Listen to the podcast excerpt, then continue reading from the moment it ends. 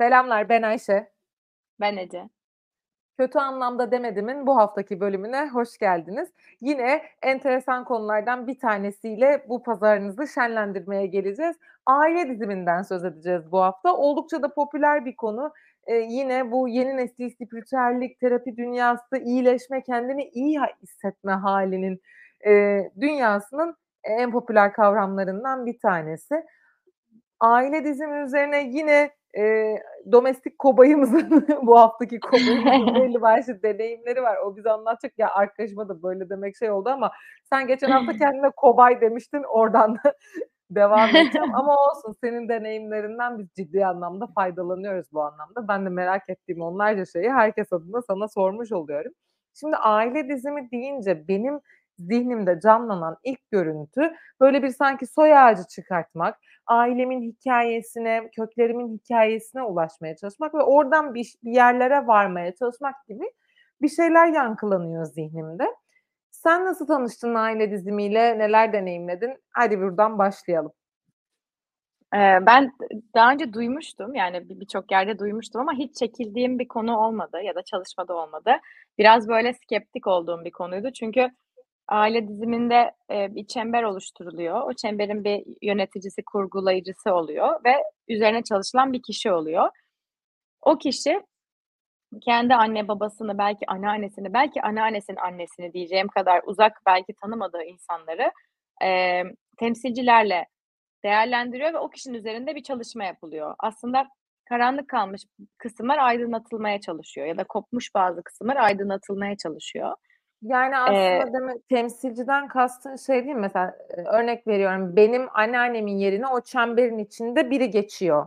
O o Evet, sen tem uygun gördüğün bir enerjiyi söylüyorsun. İşte, diyorsun ki, "Ali, sen benim anneannem ol." diyorsun ve Ali o an senin anneanneni temsil ediyor.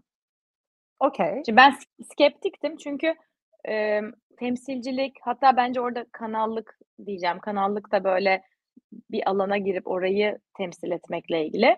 Yaptığımız konularda, eee, kendimizi o işin içine karıştırma ihtimalimiz var ya da zihnimizi. Yani, Hı hı. o böyle daha kalpten bedenden yapılması gereken bir şeymiş gibi geliyor ama kişi kendi deneyimiyle ilgili kendi zihnini de olaya katabilir. O yüzden benim skeptik olduğum bir konuydu. Yani, temsilcilerin kendi gerçeklikleriyle benim için alan açmaya çalıştıkları gerçeklik birbirine karışırsa ben niye bundan etkileneyim ya da niye bunun riskini alayım diye görüyordum.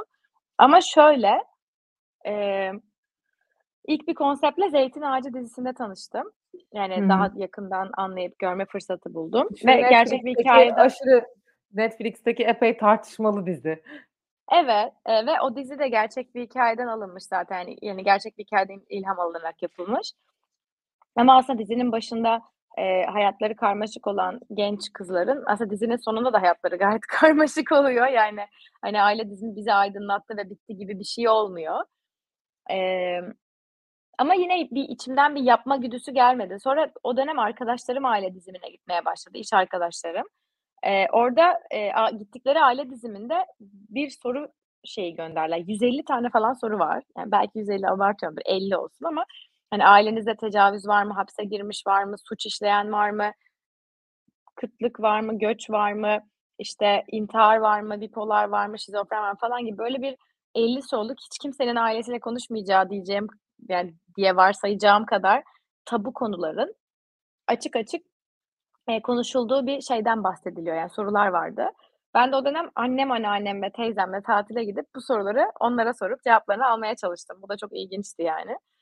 O sırada, emm, en azından sorular bana çok faydalı oldu. Çünkü aslında ailenin geçmişiyle ilgili soru sormadan onları anlamak, onların nasıl bugünlere gelip bu insanlar olduğunu anlamak mümkün değil ve hayat telaşından bunu sormak aklımıza gelmiyor ve anneannem hatta ben bu soruları sorarken ben anneme hiç böyle şeyler, sorular sormadım diye neredeyse ağlamaklı oldu. Eee, ve orada şeyi fark ettim, yani, anneannem annesini 25 yaşındayken kaybetmiş. Dolayısıyla, hani, zaten, hani, ben 28 yaşındayım. Emm, Bir 25 tarih kayıp hiçbir gibi gelmiş ona. Evet, ona öyle geldi. "Ben niye sormadım?" dedi. Ben ki, "O dönemde bunlar konuşulmuyordu ki." Yani, bahsettiği yıllar şu an hesaplayamıyorum bile, 1965'ler falan. Yani, psikoloji dediğin şeyin keşfi zaten, hani, 2. Dünya Savaşı'nda kötüye kullanılarak diyeceğim, hani, eee, yapılan bir sürü keşifler var. Hani, emm, hani, soykırımın içinde yapılan deneyler ve orada yapılmış ke keşifler var ama onun dışında psikoloji dediğin şey zaten özellikle modern psikoloji 50 senelik falan değil hatta 50 senelik bile soru işaretleri. Bilmiyorum. Konuyu bilen bizi aydınlatsın ama yani sonuçta çok yeni. Dolayısıyla hiç kimsenin dönüp de acıları geriye dönüp de açıp Geçmişime gideyim, konuşması bir, işte, çocukluğumu araştırayım, vah efendim ben ne tür Evet. travmalar geçirdim gibi sorular dediğin gibi daha, eee, güncel sorular olarak Hayır bir de değerlendirebiliriz. 2 jenerasyon öncesini düşün. Ortalama 8 tane çocuk yapıyorlar. Belki arada 5 tane düşük yapıyorlar. Kim otursun kürtajına fidan diksin, konuşsun? Hani öyle bir, hani, savaş hâlinde, hani, yokluk hâlindeler ki oturup bunlara sıra gelmemiş yani.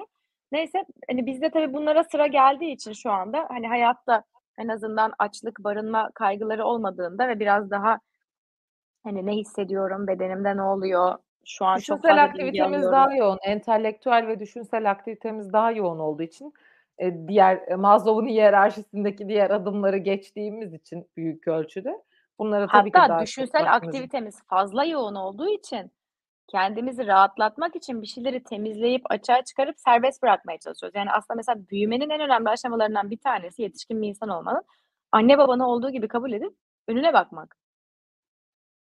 Ama orada hâlâ döngüde kaldığın, paterne girdiğin, aynı şeyleri tekrarladığın, didişmelerin, eee, çarpışmaların olduğu zaman, işte, böyle yöntemlere başvuruyorsun bence çaresizce. Çünkü orada takılı kalıyorsun ve onu Fazla çözmek için düşünmeye başlıyorsun şimdi. Ondan sonra Evet ve problemleri keşfediyorsun. Sonra onları çözme işi işin içine giriyor.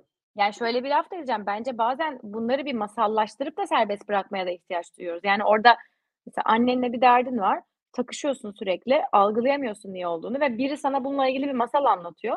Sonra da "Hadi şimdi serbest bıraktık." diyor. Sen anlamadığın şeyi anlayıp serbest bıraktığını zannediyorsun belki de. Şimdi çünkü orada sen bir çakışman var ve kabullenemiyorsun. Yani, mesela annenin seni yeteri kadar sevmediğini kabullenemiyorsun. Annenin seni, senin istediğin gibi değer göstermediğini, annenin sana, ne bileyim, belki seni kıskandığını, belki çok güzel bir, çocuk oldun ya da onun hayatı çok zordu, seninki çok kolay, belki öcünü alıyor. Yani, aslında çok naif ve insani birçok duyguyu anneler yaptığında suç gibi oluyor. Çünkü onlar çok kutsal ve insan değiller falan ya, hani, böyle Ve ço ve çocuklarına koşulsuz olarak her şeyi, sunmak ve kendi geçmişlerini unutmak zorundalar Mesela, zamanda. yani, şimdi on hani, onlar da insan, onların da birçok duygusu ve alıp veremediği döngüsü var ama sen orada bunu çocuk olarak, yani, o ilişkideki çocuklar kabullenemediğinde, ona annelik yaptığında, ona öğretmenlik yaptığında, onun sorumluluğunu ondan aldığında, aman o üzülmesin diye o kurban rolüne girdiğinde kurtarıcısı olduğunda, kocası varsa yoksa kocası olduğunda, neyse, hani, o eksiklikleri tamamlamaya çalıştığında o dinamik bozuluyor ve işinden çıkmak için bazen bir çembere ihtiyaç duyuyorsun. Bu aile dizimi dediğimiz, eee, yöntem de sana bu tarz çemberler sağlıyor. Ne kadar geriye gidiyor insanlar deni deneyimlerinden, Valla gözlemlerinden yola çıkarak? deneyimden, gözlemimden ben bayağı, eee, babamın dedesinin annesine kadar gittim. Yani 4-5 yani normalde 7 jenerasyon konuşuluyor. Eee, hani, hepimizin epigenetiğinde, yani genetik mirasında 7 jenerasyonluk, hani, travmalar, etkiler var diye hı. konuşuluyor. Ben 4-5 jenerasyon gittim. Yani 5 5 jenerasyon geriye gittim aile diziminde ama önce şeyden bahsetmek istiyorum. Aile dizimine kendim gitmekle ilgili hiçbir gündemim yokken, eee, Ayahuasca'da şey deneyimledim, çember oluşturuyorduk. Eee, çemberlerde şeyi dene deneyimledim. E eee, işte, Ayahuasca'da, eee, bir şey içiliyor, işte, Ayahuasca içiliyor. Hı 10 saat, hı. eee, halüsinasyon görülüyor diyeceğim ama bir inzivaya yatmak gibi bir uzanıyorsunuz bir çemberde, orada bir süreçten geçiyorsunuz. Orada bir niyetiniz oluyor. O niyeti çözümlemek için geçiyorsunuz. Sonraki gün, eee, gece yapılıyor bu. Ayahuasca çünkü dişi olan, bunu inşallah bir sonraki bölümde hazır hissedip anlatacağız. Biraz daha Eee detaylı ben de heyecanla bekliyorum. O yüzden sor det sen anlatabildiğin kadarını şimdi anlat. Tamam. Eee, Ayahuasca'da uyan yani uyandığında, hani, eee, bir sonraki gün, işte, diğer seanslar yapıldığında her gün entegrasyon seansı yapılıyor. Entegrasyon seansı da, eee, 2 tane kolaylaştırıcı ve 1 şaman, eee, ki, o şaman lafı çok doğru değil bence, onu tartışırız bir sonraki bölüm. Emm, 2 tane kolaylaştırıcı ve 1 şaman oturuyorsunuz ki bizdeki kolaylaştırıcılardan bir tanesi psikologdu. Katılımcılardan 2 tanesi psikologdu. Eee, 1 tanesi doktordu. Yani o anlamda benim katıldığım grup, eee, eğitimli, akademik bir gruptu. O da hoşuma gitmişti. Ya, evet, Eee akademik bir grup demek ki merak ediyorlar insanlar şey Ya, fark biraz daha fazlası olmalı. Yani Evet. elimizdeki yöntemler bize yetmiyor, daha fazla ne olabilir diye araştıran insanlarla olmak çok güzel. Çünkü hepimizin eline hazır gelen yöntemler var ama bir de yaratıcılığımız, merakımız, daha fazlasını talep etme hakkını kendimizde görmemiz de var. Neyse, eee, entegrasyon seanslarındaki çemberlerde şöyle bir şey oluyordu. Mesela, eee, herkesle sırayla konuşuluyordu ve konuşulan konularda eğer, eee, çemberi yöneten kişi, kurgulayan kişi fark ederse ki orada çalışılması gereken bir konu var, şey diyordu, "Gel, eee, bu çemberden birini annen olarak seç." diyor mesela veya "Ablan Hımm. olarak seç." diyor. Emm, ben kendi temsilcilik yaptığım örnekten gideyim. Emm, yok, önce normalinden gideyim.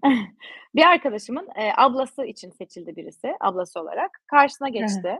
Arkadaşıma Ahmet diyeceğim şimdilik. Hani, ismi şey paylaşmak istemediğim için ama bir yandan da isme ihtiyaç duyduğum için.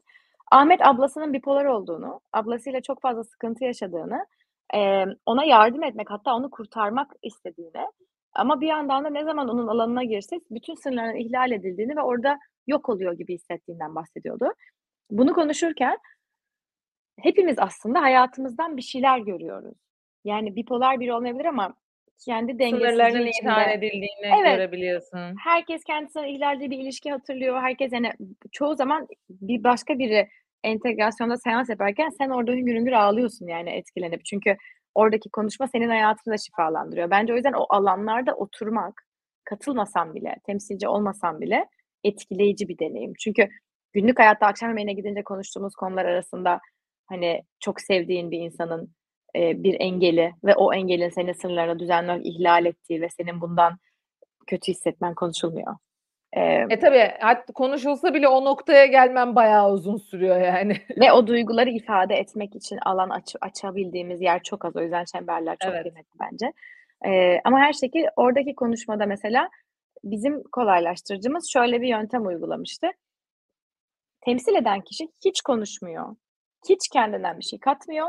Eee, çalışmayı yapan kişi sadece ona ne söylemek istiyorsa onu söylüyor. Zaten sesli bir şekilde söylediğin anda şifa başlıyor. Yani bu benim psikiyatristim bana mektup yazdırırdı ve mektubu vermene gerek yok derdi. Sen o mektubu yaz, senden çıksın. Çünkü senden çıktığı anda zaten benim içimde bir dönüşüm oluyor. Karşı tarafa gidip de oradan bir reaksiyon almama veya onay almama gerek yok. Yani birine beni üzdün, bunu onayla. Hani, şey, öyle bir hikâye var. Bir yılan sizi ısırsa yılanın zehrini mi akıtmaya çalışırsınız? Gidip o yılanı bulup sen benim ısırdın, canım acıdı da zehirledin mi demeye çalışırsınız ve bunu ona ikna etmeye mi çalışırsınız? Hayır, gider zehrini akıtırsınız. Niye, hani, şeyde deviniyorsunuz yani af dile af istemekte, hani, özür istemekte, o kişiye bunu göstermekte, ne kadar acı çektiğinizi. Konu o değil ki diyor. Yılan seni ısırmış. Yani zehirle adamın peşinden gidip, yılanın peşinden gidip sen bana bunu nasıl yaparsın desen ne olur, demesen ne olur? Hiçbir kazancın yok ama biz içimizdeki o, böyle, içimiz soğuyacak zannediyoruz bunu Ego gibi. yaptığımızda. Aynen, evet. O yüzden ben hep şeyimdir yani şu an savaş var ve bir sürü kötü şey yapılıyor ama hiçbir savaş denkleşmeye çalışarak çözülemez. Gerçekten bir noktada yani Savaş Sanatı, hani, Santuzu'nun bir kitabı vardır, çok severim. Hani, bir yanağıma tokat atsa öbür yana yanağımı çeviririm buraya da vur diye. O kadar. Bir savaşı kazanmanın tek yöntemi bu. Savaşmayı kabul etmemek. Aynen öyle. Savaşa Durman dâhil lazım. Çünkü sonu yok. Sonsuza kadar devam edebilirsin. Ve öc diye bir şey yok. Hiçbir zaman için soğumayacak. Yani eğer oysa olay. Olay oldu. Yani sen onu kabul edip affetmediğin sürece soğumayacak. Yani karşı tarafı değiştir hani, ne bileyim, yani neyse. Eee, benim katıldığım, temsilci olduğum anda çemberde ben birinin annesini temsil ediyordum. Ve kız, eee, çember içinde hepimizi rahatsız eden bir kızdı ve ben bunu söyledim ona. Yani, böyle, ne bileyim, seanslar sırasında alanımıza giriyordu, sınır ihlalleri yapıyordu. Ses olarak, hani, herkesin sessiz olduğu bir anda abuk sabuk sesler çıkarıp bağırıyordu. Sürekli bir fark edilme, yani sanki yok sayılıyormuş. Herkes, hani, ve o fark edilmeye çalıştıkça insanlar onu daha aktif yok sayıyordu. Çünkü sürekli Bu arada psikolog bir kızdı bu. Ve çok şaşırmıştım. Yani Çok neden şu an Kızın içinden, hani, sanki evin içinde yok sayılan bir bebek çıktı. Hani, sürekli gıklıyor, gaklıyor, sesler çıkarıyor. ve böyle garipti ve o öyle yaptıkça insanlar daha da o yokmuş gibi davranmak için daha da bir Daha ge kalın bir duvar ördüler. Daha onu yok Aynen. saydılar. Ben onun annesini temsil etmişim ve bundan çok rahatsız oldum ama hiçbir şey de yapamıyorum. Duruyorum, çemberin ortasındayız. Ben oturuyorum, karşımda kız oturuyor. Eee, ve kız, emm, annesine beni neden sevmedin diye haykırıyor ve benim yapmak istediğim tek şey daha da yok saymak. Çünkü Ece olarak mı yoksa annesine temsilcilik yapan, eee, kanal olarak mı bilmiyorum ama orada hissettiğim şey daha da ittirmek. Yani git buradan, hani git buradan falan. Neyse, çalışmanın sonunda kız, işte, kendini ifade ediyor. Eee, benim kendimi ifade etmem yasak ama bende de birikiyor bir sürü şey tabii. Ya, Şiştin. yasak değil de, hani, durdum. Ardından, eee, normalde yapılan temsilciliklerde temsilcinin de kendini ifade etmesi norm ya, yapılır. Seans bittikten sonra kıza gittim dedim ki, "Ya, eğer istersen benim içime bazı duygular, bilgiler, bir şeyler geldi. Ben onları seninle paylaşmak istiyorum." dedim. Çünkü bende kalmasın yani. Niye bende kalsın? Eee, ve gittim. Kıza ne dedim biliyor musun? Ne dedin? Dedim ki, "Sen benden ilgi istediğinde, anneni temsil ettiğim anda acayip bir, eee, suçluluk duygusunu reddetme şeyi hissettim." dedim. Yani sanki ben sana bir şey yapmışım. Bunun için kendimi affedemiyorum. O yüzden seni görmeye tahammül edemiyor gibi hissediyorum dedim. Çok spesifik Wow. bir şey bu. Yani sanki annem, Bana çocuğa zarar vermiş de ondan kaçıyormuş gibi. Ki bu arada benim zarar diye gördüğüm şey, eee, şuydu, ya bunu paylaşacağım. Sanki annesi bir sevgiliyle, biriyle beraber olmuş, çocuk bunu görmüş. Yani o kadar, hani, olabilecek bir şey ki yani, hani, çocuğu yakarsın, hani, düşürürsün, He. hani, sakatlığı olur falan. Tamam, anlarım ama bence daha basit bir şey. Yani kötü niyetle, art niyetle yapılmamış bir şey gibi bir şey. Dedim ki benim içimde böyle bir his var. Acaba bunu annene sor istersen sor bunu yani. Senin bana yapıp da kendini affedemediğin bir şey var mı diye ya da, hani, çünkü zaten aile dizimleri sana orada bir soru işareti kapısı açıyor ve sen eğer istersen onu soru soruyorsun. Yani orada çünkü sana diyorlar ki mesela senin babanın babası çok göç etmiş. O yüzden hiçbir yere köklenemiyor. O yüzden evi terk edip gitmiş, atıyorum. Hı hı. O zaman sen annene babana gidip bu soruyu sorabileceğini fark ediyorsun. Hani, öyle küçük Ne kapıları da oldu var. benim dedeme? Ne yaptı bu adam Aynen, ne falan oldu? Başka bilgi var mı? Falan böyle biraz didikleyince söylüyorlar ya bir de onlar böyle peşin söylemiyorlar şey gibi, hani Ah, sen bir de benim annemi sor. Az sonra, hani, sanki şey gibi böyle Şahane Pazar'daki sabah, hani, sabah programındaki az sonra, az sonra reklamlardan sonra böyle erteleye erteleye bir halloluyorlar, sonunda söylüyorlar. Ve böyle bir şey yaşadım ve kıza söyledim. Kız, "Nasıl yani?" dedi. "Evet." dedim. "Benim hissettiğim enerji" dedim, "seni yok saymak, eee, kendimi korumak için yaptığım bir şey. Seni yok saydığım için ya da seni beğenmediğim için ya da sen yetersiz olduğun için değildi." dedim. Ki Ben yanlış bir şey rahat yaptım ve sen ona şahit Ben çok oldun. yanlış bir şey yaptım ve seni gördüğümde o yanlışla yüzleşiyorum ve bundan çok acı çekiyorum. O yüzden gibi bir his dedim. Hani, seni rahatlatır diye umarak bunu paylaşıyorum falan dedim. İlginçti. Sonra kızla konuşmadık. Değişik bir kızdı zaten. Kayboldu gitti ama belki de annesiyle konuşmuştur. Umarım da bir faydası olmuştur ama aile dizimlerinde temsilci olduğunda daha sonra karşıma son 2-3 ayda bir aile dizimciyle çalıştım. Ben yaptım ama tek kişilik bir dizim. Yani çember yok. Bir kişi bütün kişileri temsil ediyor. Böyle karmaşık bir süreç. Çok da zeki, çok da sevdiğim birisi. Eee, onunla çalışırken, emm, kendi aile ailemle ilgili bazı süreçlerde mesela bazı yerler benim için tam oturmadı. Oturan yerler var ama bazı yerlerde de of! Mesela ilişkimle ilgili bazı şeyler konuştuk. Bazı şeyler o kadar gerçekti ki hiç bilmeyen biri bana benim ilişkimle ilgili o kadar gerçek ve o kadar yüzleşemediğim şeyleri söylüyordu ki bütün bedenim 10 dakika falan titredi Ayşe. Yani bedenim öne arkaya doğru böyle titriyor resmen. Yani kalp atışı gibi ve bütün bedenim. Yani bütün vücudun sallanır ya böyle bir, hani, şeyde görürüz, uyuşturucu bağımlıları uyuşturucuyu bıraktığında cold turkey olurlar. Böyle, hani, Çok ürk ama çok yaşarlar ve ürkütücü bir titrerler. Çok ürkütücü bir hâldi ve gerçekten o gerçekleri duydukça algılayamadığım için vücudum, yani bütün vücudum titredi ve böyle 10-15 dakika titredi ve çok yorucu bir şey bu arada. Hani, Belki bitik aslında düşüyorsun. hissettiğin, hep hissettiğin fakat anlamlandıramadığın, somutlaştıramadığın şeyleri duydun. Hem bunları duydum hem duyduğum ama duymazdan geldiğim, görmezden geldiğim şeyleri duydum. Çünkü bazen kulağımızı bir şeye kapayınca çok kolay kapıyoruz. Yani defalarca Evet. duymuşum aynı şeyi Ama duymazdan gelmişim ve bir yerden sonra hiç duyamazsın ya, hani, bir şeyi duymazdan gelmeye kendini kodlarsan mesela ben ezan sesi duymuyorum. Ben zannetmiyorum ki Türkiye'de birçok insan özellikle de namazı ezanla takip etmiyorsa ki hiç kimse neredeyse ezanla takip etmiyor diye düşünüyorum. Hani, böyle app'ler map'ler bir sürü şey var. Ezan sesi duymuyorum. Yani Londra'da yaşarken de kilise çanı sesi duymuyordum. Çünkü bir Çünkü yerden sonra duyular onu kapatıyorsun. Evet, beynimiz duyularımızı bu bu bağlamda kapatabiliyor. Aslında duymaya ve görmeye devam ediyorsun belki ama arkaya atıyorsun. Farkın Evet, be algılamıyordum. Yani o bir yerden Evet. gidiyordu ve ben aile dizimi yaptığımda, eee, ilişkimle de ilgili, kendi ailemle de ilgili bazı aldığım bilgilere bedenim reaksiyon verdi ve bu çok ilginçti benim için. Yani zihnim böyle, "Bu ne ya, bir dakika, nasıl yani?" falan derken bedenimde bir şeyler oluyordu. Çok çok etkilendim. Eee, ama tek başıma kendi annem, babam ve onların aileleriyle aile dizimi yaparken, emm, bazı böyle ufak tefek bilgiler beni rahatlattı. Hı hı. Mesela, emm, "Senin sorgulayıcı bir zihnin var, senin babanın babası da böyle." gibi bir bilgi geldi. Mesela, "A, benim gibi insanlar da varmış." Çünkü biraz kopuk hissediyorum ben, eee, atalardan, köklerden. Bizim soy ismimiz değiştirilmiş. Hani, emm, Yugoslavım aslında ama Yugoslavya'dan gelen hiçbir bilgim yok. Oralara gitmedim. Hani, bağlı hissetmiyorum.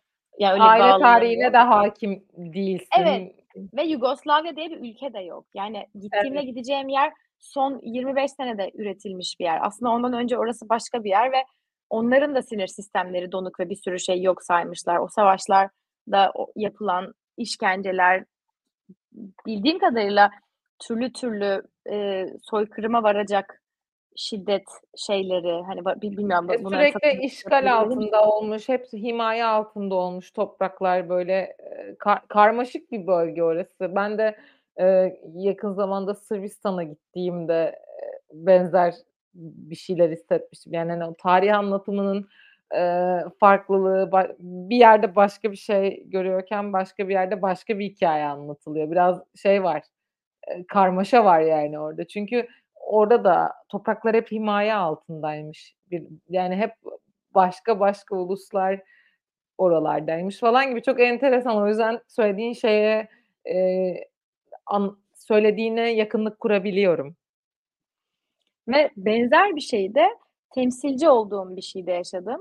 Yine göç etmiş Bulgar göçmeni, yine o bölgelerden, o savaşlardan, o yerlerden göç etmiş birinde Zoom'dan yapıyorduk. Garip şekilde burada bunlar Zoom'dan da oluyor. Yani ben, hani, hep fiziksel olmak gerekiyor diye düşünüyordum ama enerji alanı, kanallık bilmem falan bunların hepsi Zoom'dan da oluyor. Yani hatta bence bence niyet göstermekle alakalı bir şey söyleyeyim mi pek çok şey? O yani sen ona inanıyorsun, içine girmek istiyorsun, onu deneyimlemek istiyorsan bence çok bir, Bir de lokasyonun bence de çok bir farkı katı bedenle bir alakası yok yani. Tamamen enerjisel bir şey olduğu için bir şekilde oluyor. İlginç yani. Neyse.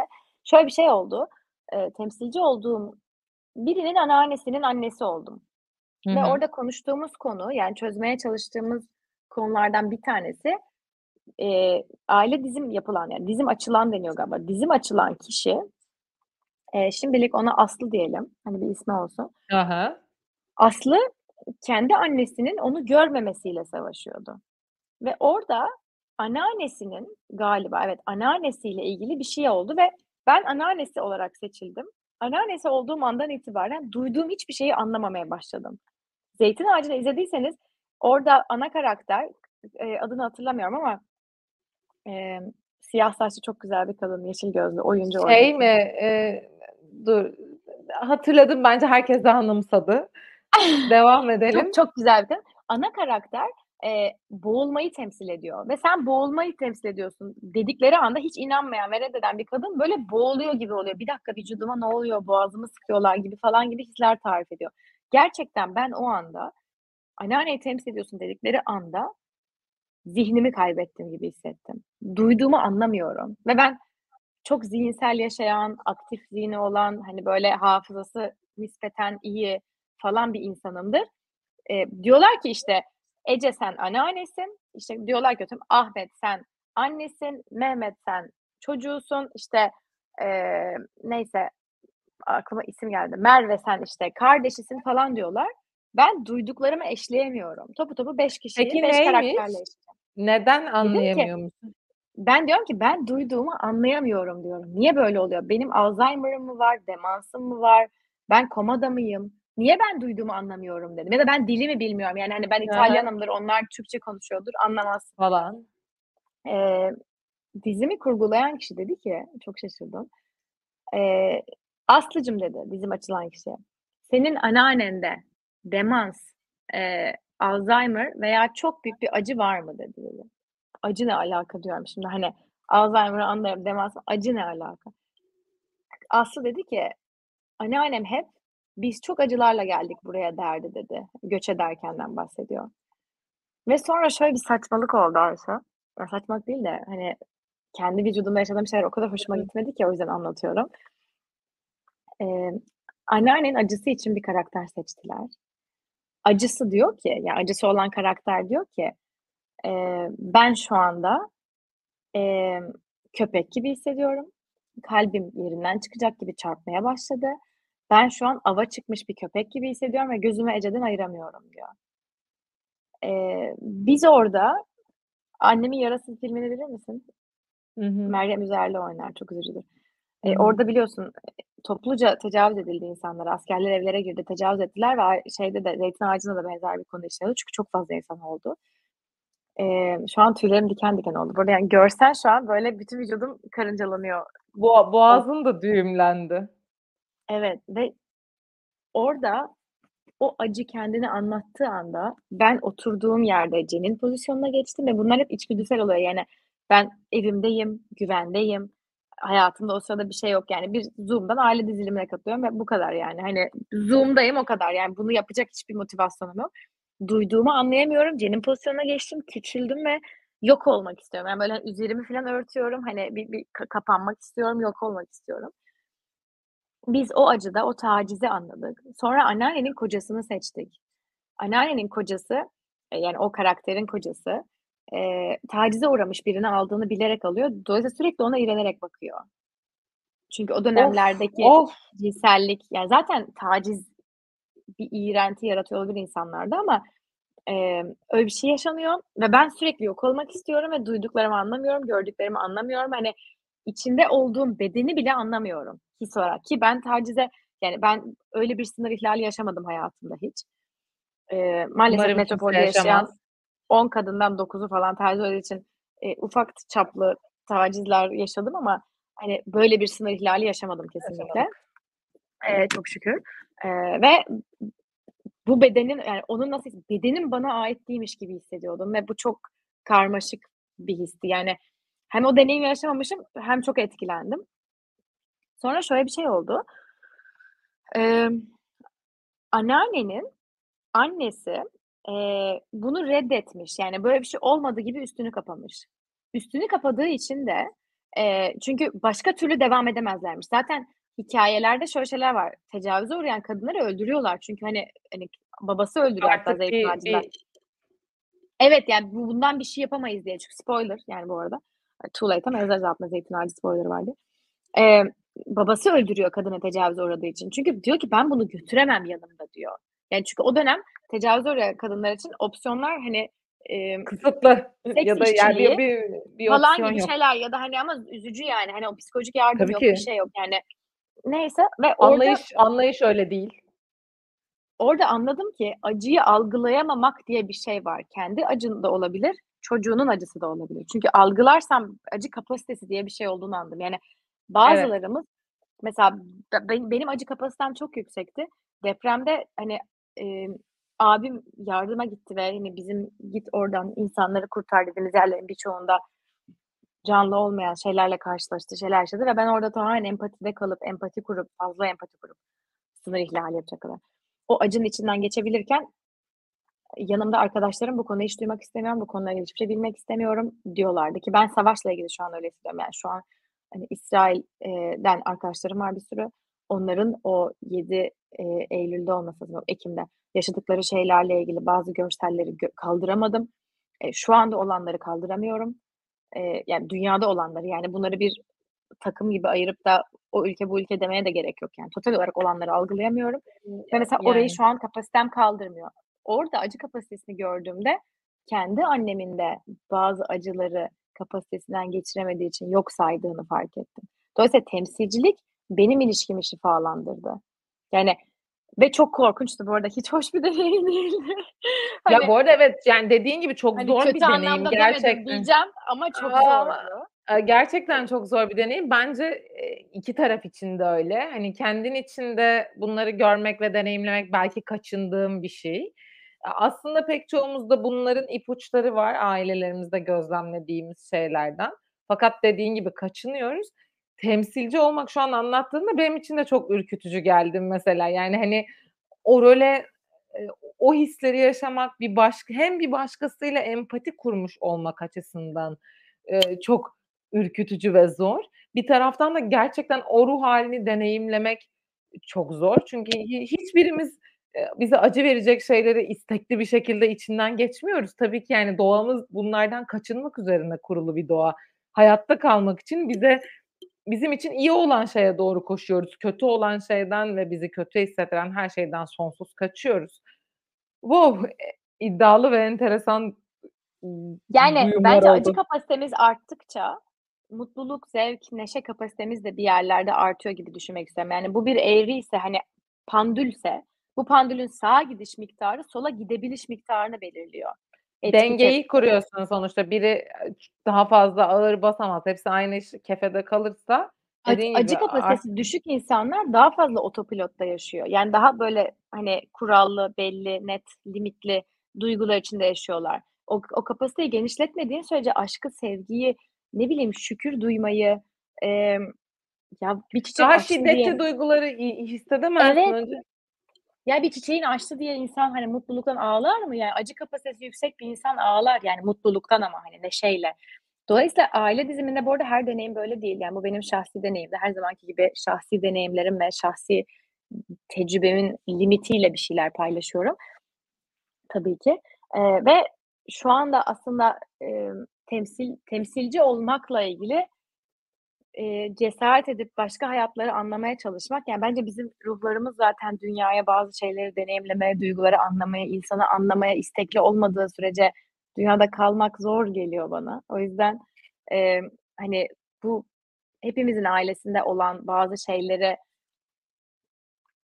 ne bileyim, görmek, anlamak, açığa çıkarmak bana kıymetli geldiği için daha derinleşmeye çalışıyorum. Umarım size de biraz bu derinlikten şey, pay verebilmişizdir. O zaman bu podcast'in sonunda herkese şu soruyu iletelim. Daha doğrusu şu görevi verelim. Hepimiz bu podcast'i dinledikten sonra anne babalarımıza, anneannelerimize, dedelerimize, babaannelerimize daha çok soru soralım ve hikâyeleriyle ilgili birazcık bilgi almaya çalışalım. Bakalım bilmediğimiz neler çıkacak ortaya. Görüşmek Çok üzere. güzel söyledin. Görüşürüz.